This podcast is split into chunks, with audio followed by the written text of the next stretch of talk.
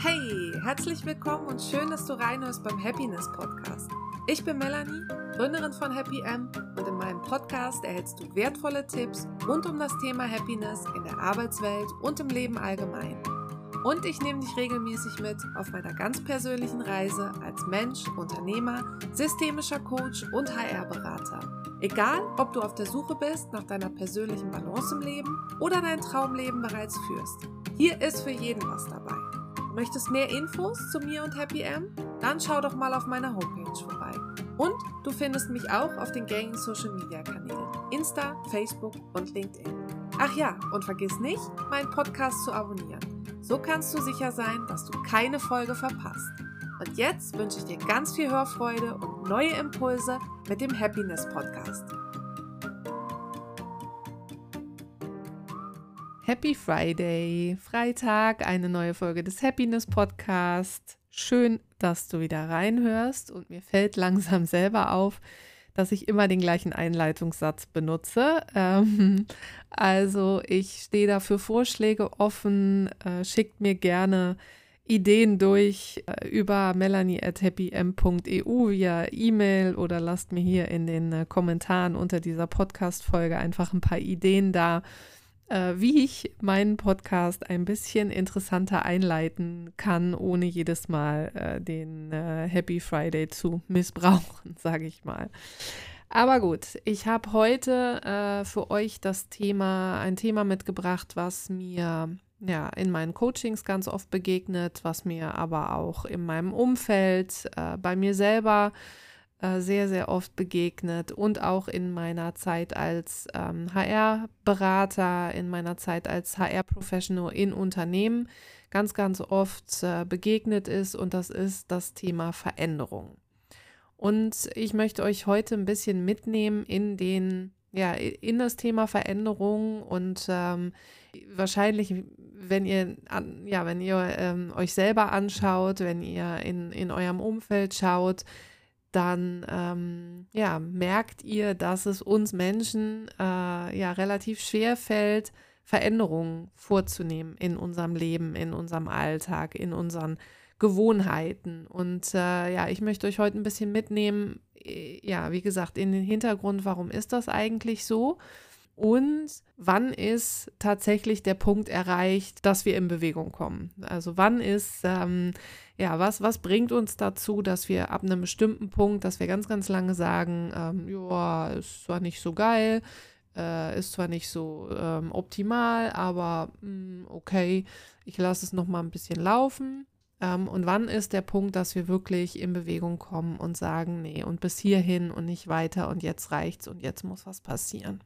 Und ich will eigentlich mal ein bisschen anfangen mit einem eigenen äh, Beispiel. Das ist immer ganz interessant, weil äh, bei mir ist es zum Beispiel so gewesen, ich habe 2016 meine Coaching-Ausbildung gemacht und eigentlich war mir während dieser Coaching-Ausbildung schon klar, ich hatte damals ein äh, Sabbatical genommen, zwischen zwei Jobs war ich, ich war eigentlich ja, mit diesem ganzen HR-Thema so ein bisschen, ja, ich hatte da nicht mehr so richtig Bock drauf. Ich war am Überlegen, was kann ich anderes machen und habe dann diese Coaching-Ausbildung eben gemacht. Und eigentlich war mir damals schon klar, dass ich da mehr mitmachen will. Und ich habe es aber erst Ende 2021 tatsächlich getan. Also ich habe klar ein bisschen nebenberuflich äh, da was mitgemacht. Ich habe das im HR-Job ähm, die, die Skills auch angewandt, aber dass ich wirklich diesen Schritt in die Selbstständigkeit gegangen bin und gesagt habe, ich richte mich jetzt ja hauptberuflich auf Coachings. Das ist erst eigentlich fünf Jahre später hat das stattgefunden. Und äh, wenn man da mal so drüber nachdenkt, mir war das eigentlich schon klar, aber ich bin diese Veränderung oder ich bin nicht bereit gewesen, für diese Veränderung. Und ähm, ja, das, das hat natürlich bei Menschen dann ganz unterschiedliche Gründe, ganz unterschiedliche äh, Motivationen, warum man nicht tut, was man eigentlich tun möchte.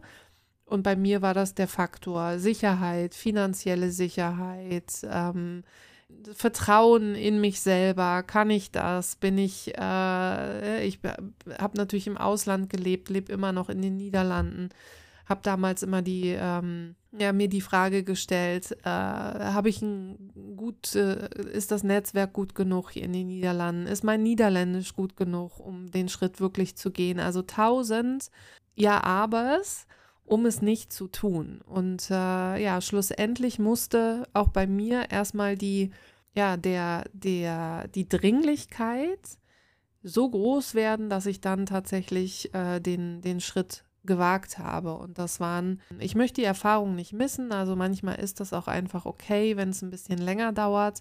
Aber man sollte eben nicht zu lange warten mit bestimmten Themen und äh, sich da immer drüber bewusst sein, dass man, ja, dass man, warum man den, den Schritt jetzt noch nicht tut.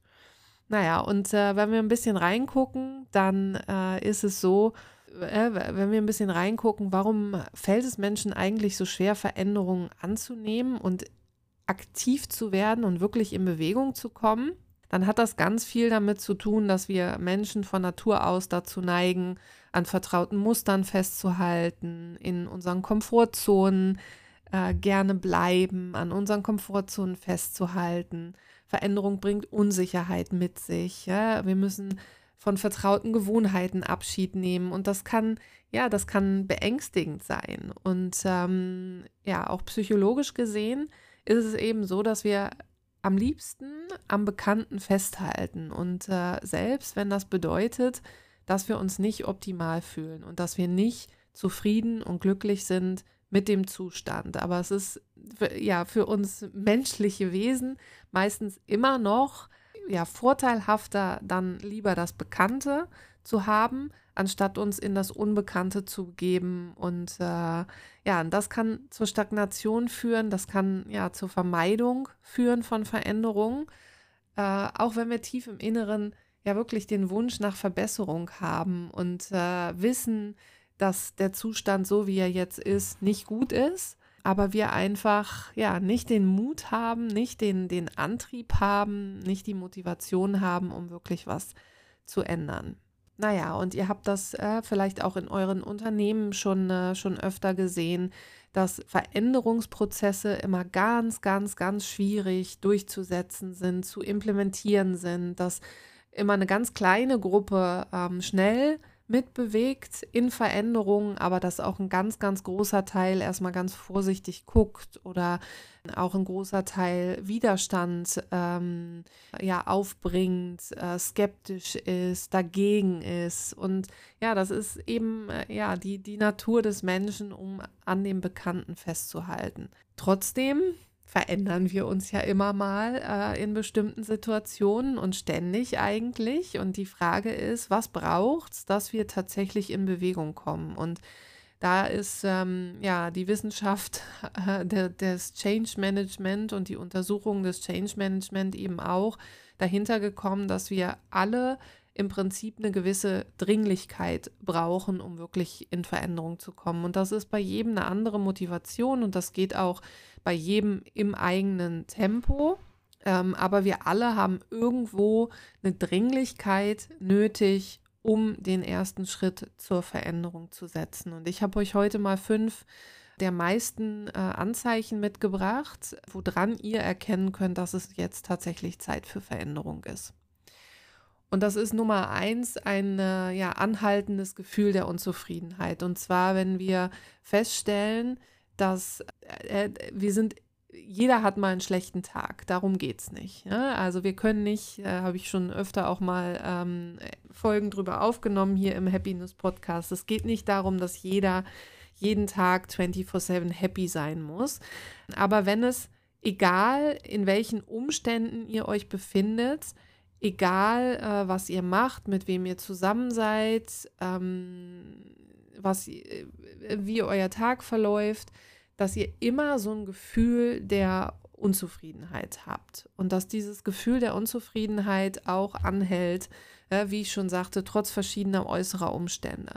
Das kann dann wirklich ein Zeichen dafür sein, dass hier was tiefer liegendes ähm, vorliegt und ja, kann eben darauf hinweisen, dass bestimmte Aspekte im Leben nicht mehr mit deinen wahren Wünschen und Werten übereinstimmen. Also ganz, ganz, ganz oft kommt so eine Unzufriedenheit eben auch daher, dass ihr Dinge tut, ähm, in Umgebung seid, ein Leben führt, was nicht in Einklang mit euren echten, wahren Wünschen und Werten ist. Und das, ähm, ja, das, das schwelt und das schwelt immer mehr und das kommt irgendwann nach oben und bis zu einem Punkt, wo es nicht mehr geht und wo die Veränderung dann wirklich in Gang gesetzt werden muss.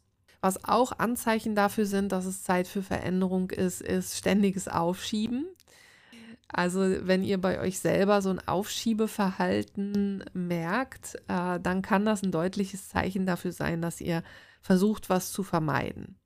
Und das kann um persönliche äh, Ziele gehen, Gesundheit, Beziehungen. Zum Beispiel, ich möchte äh, abnehmen, aber ich tue es nicht.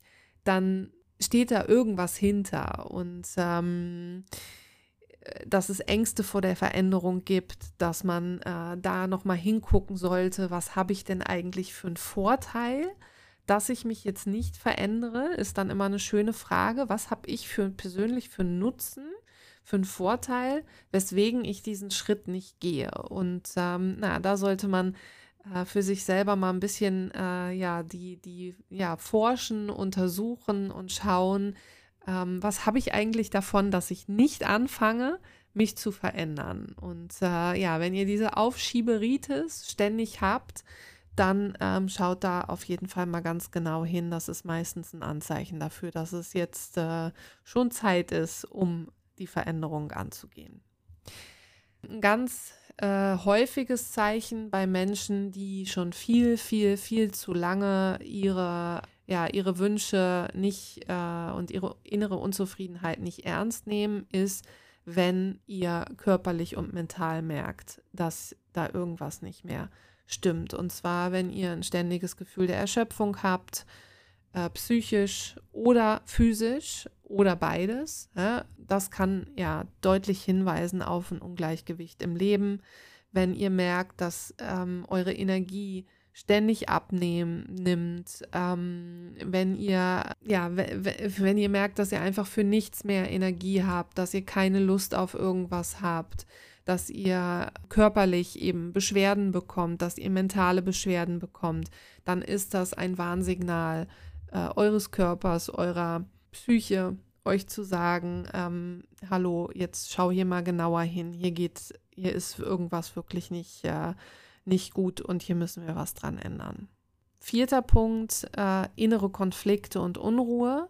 Äh, das kommt auch ein bisschen äh, darauf zurück, was ich am Anfang schon mal sagte, wenn ihr nicht im Einklang mit euren Werten euer Leben führt, dann äh, ja, merkt ihr das und das merkt ihr eben auch bei inneren Konflikten und Unruhe. Das heißt, wenn da irgendwo eine Diskrepanz ist zwischen der Art und Weise, wie ihr lebt und wie ihr leben wollt, dann ist da ein Konflikt und ähm, dann solltet ihr da mal hinschauen. Und meistens ist das Anerkennen und das Erkennen dieses Konflikts dann auch der erste Schritt zur Veränderung.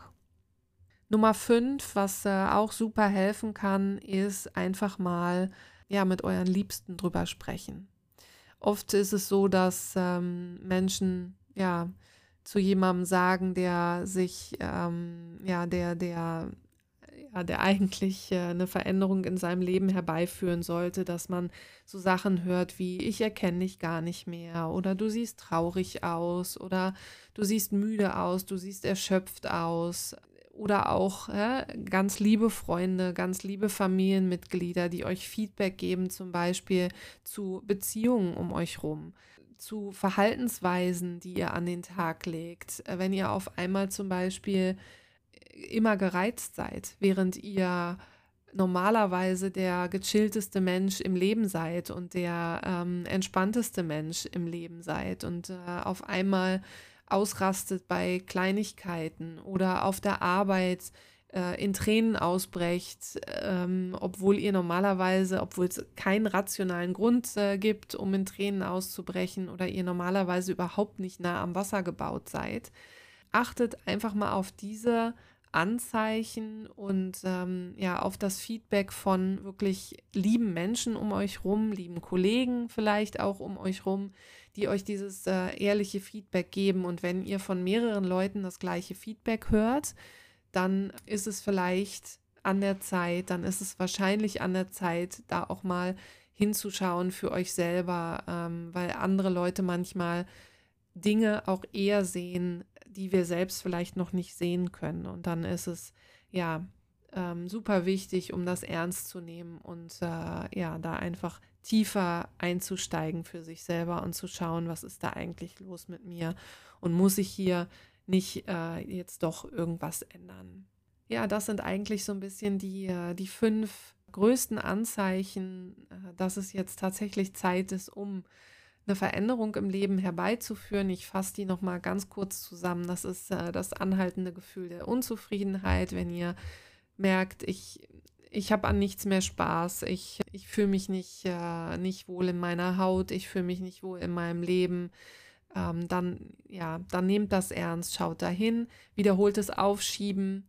Äh, toller Tipp hier auch äh, nochmal. Äh, schaut auch einfach mal hin, was habt ihr davon, um den Status quo beizubehalten. Das kann manchmal ganz, ganz interessante Erkenntnisse geben und dann auch den ersten Schritt zur Veränderung äh, herbeiführen.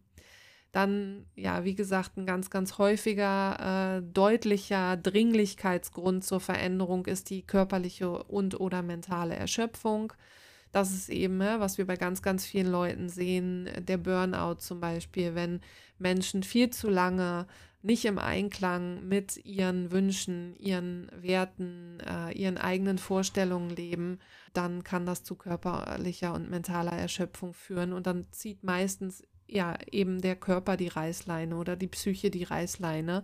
Und dann werdet ihr zu einer äh, Veränderung gezwungen. Vierter äh, Punkt war innere Konflikte und Unruhe. Auch da schaut da gut hin, ne? wenn ihr ständig, wenn ihr überhaupt keine Ruhe mehr findet, wenn ihr immer das Gefühl habt, ich habe so einen inneren ja, so eine innere Unruhe. Ich kann, kann auch gar nicht irgendwie genießen, wenn ich mal nichts tue, zum Beispiel. Meine Gedanken drehen sich ständig im Kreis. Ich bin, ich fühle mich immer irgendwie so, das Herz klopft. Ne? Das sind alles so Anzeichen, dass da innere Konflikte am Gange sind. Und ähm, ja, auch da höchste Zeit, um dann auch äh, hinzuschauen, was, was stimmt da nicht in meinem Leben. Und dann eben als fünfter Punkt das Feedback von, ähm, ja, von Menschen um euch rum, von, von Menschen, äh, die ihr wertschätzt, die euch gut kennen, Kollegen, Freunde, Familie, Partner. Ja, hört da auch gut drauf, wenn da Feedbacks kommen, die ihr ja ausgesprochen vielleicht erstmal auch nicht so ganz erkennen könnt, aber wenn ihr das äh, von mehreren die gleichen Feedbacks bekommt, dann ist es vielleicht doch äh, oder wahrscheinlich doch Zeit, äh, da auch wirklich mal näher hinzugucken. Und ähm, ja, wenn ihr dann zu der äh, Entscheidung gekommen seid, hier muss sich was verändern, dann ist das der erste Schritt und dann ist das super. Und äh, ja, in ganz vielen Fällen wissen wir dann aber nicht weiter. Ne? Das ist natürlich auch so, dass wir ähm, dann denken, ja, ich will jetzt was verändern. Ich will zum Beispiel einen neuen Job oder ich, ähm, ich bin nicht glücklich in meiner Beziehung oder ich weiß, dass ich nicht glücklich bin mit meinem Leben. Aber was will ich, wie komme ich jetzt äh, dahinter, was ich, was ich dann will und äh, wo ich dann glücklich von werde? Ich weiß, ist auch ganz, ganz oft so, äh, wir Menschen wissen immer ganz genau, was wir nicht wollen, aber was, was wollen wir denn dann äh, anders und äh, wie soll es denn dann werden im, äh, im besten Fall? Das ist meistens noch eine Herausforderung. Und ähm, ja, holt euch da auch Hilfe. Ich kenne da zum Beispiel noch einen guten Coach. Ähm, also all diese Themen sind natürlich auch hervorragende Coaching-Themen.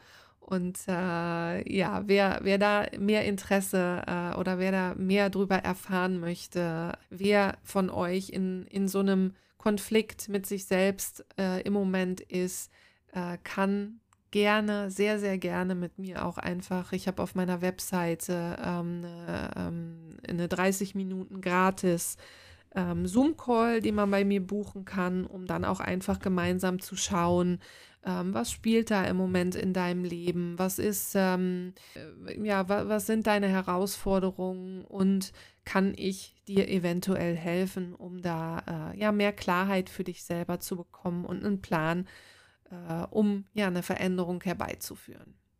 Aber gut, das nur am Rande. Und äh, ja, das ist eigentlich ein bisschen, was ich für heute in dieser Folge mit euch besprechen wollte.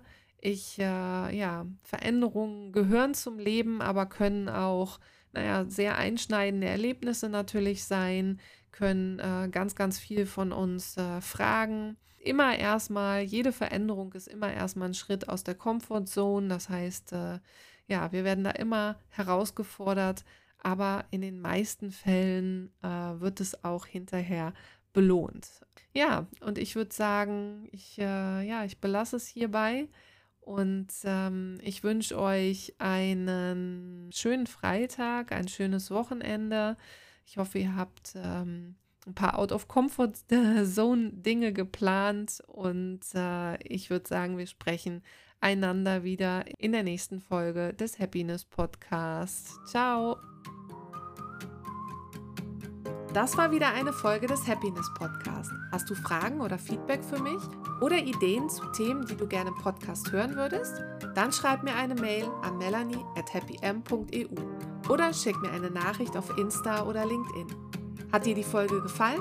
Dann hinterlass mir super gern ein Review, indem du oben auf die 5 Sterne klickst. Nochmals, danke, dass du wieder dabei warst und bis zum nächsten Mal beim Happiness Podcast.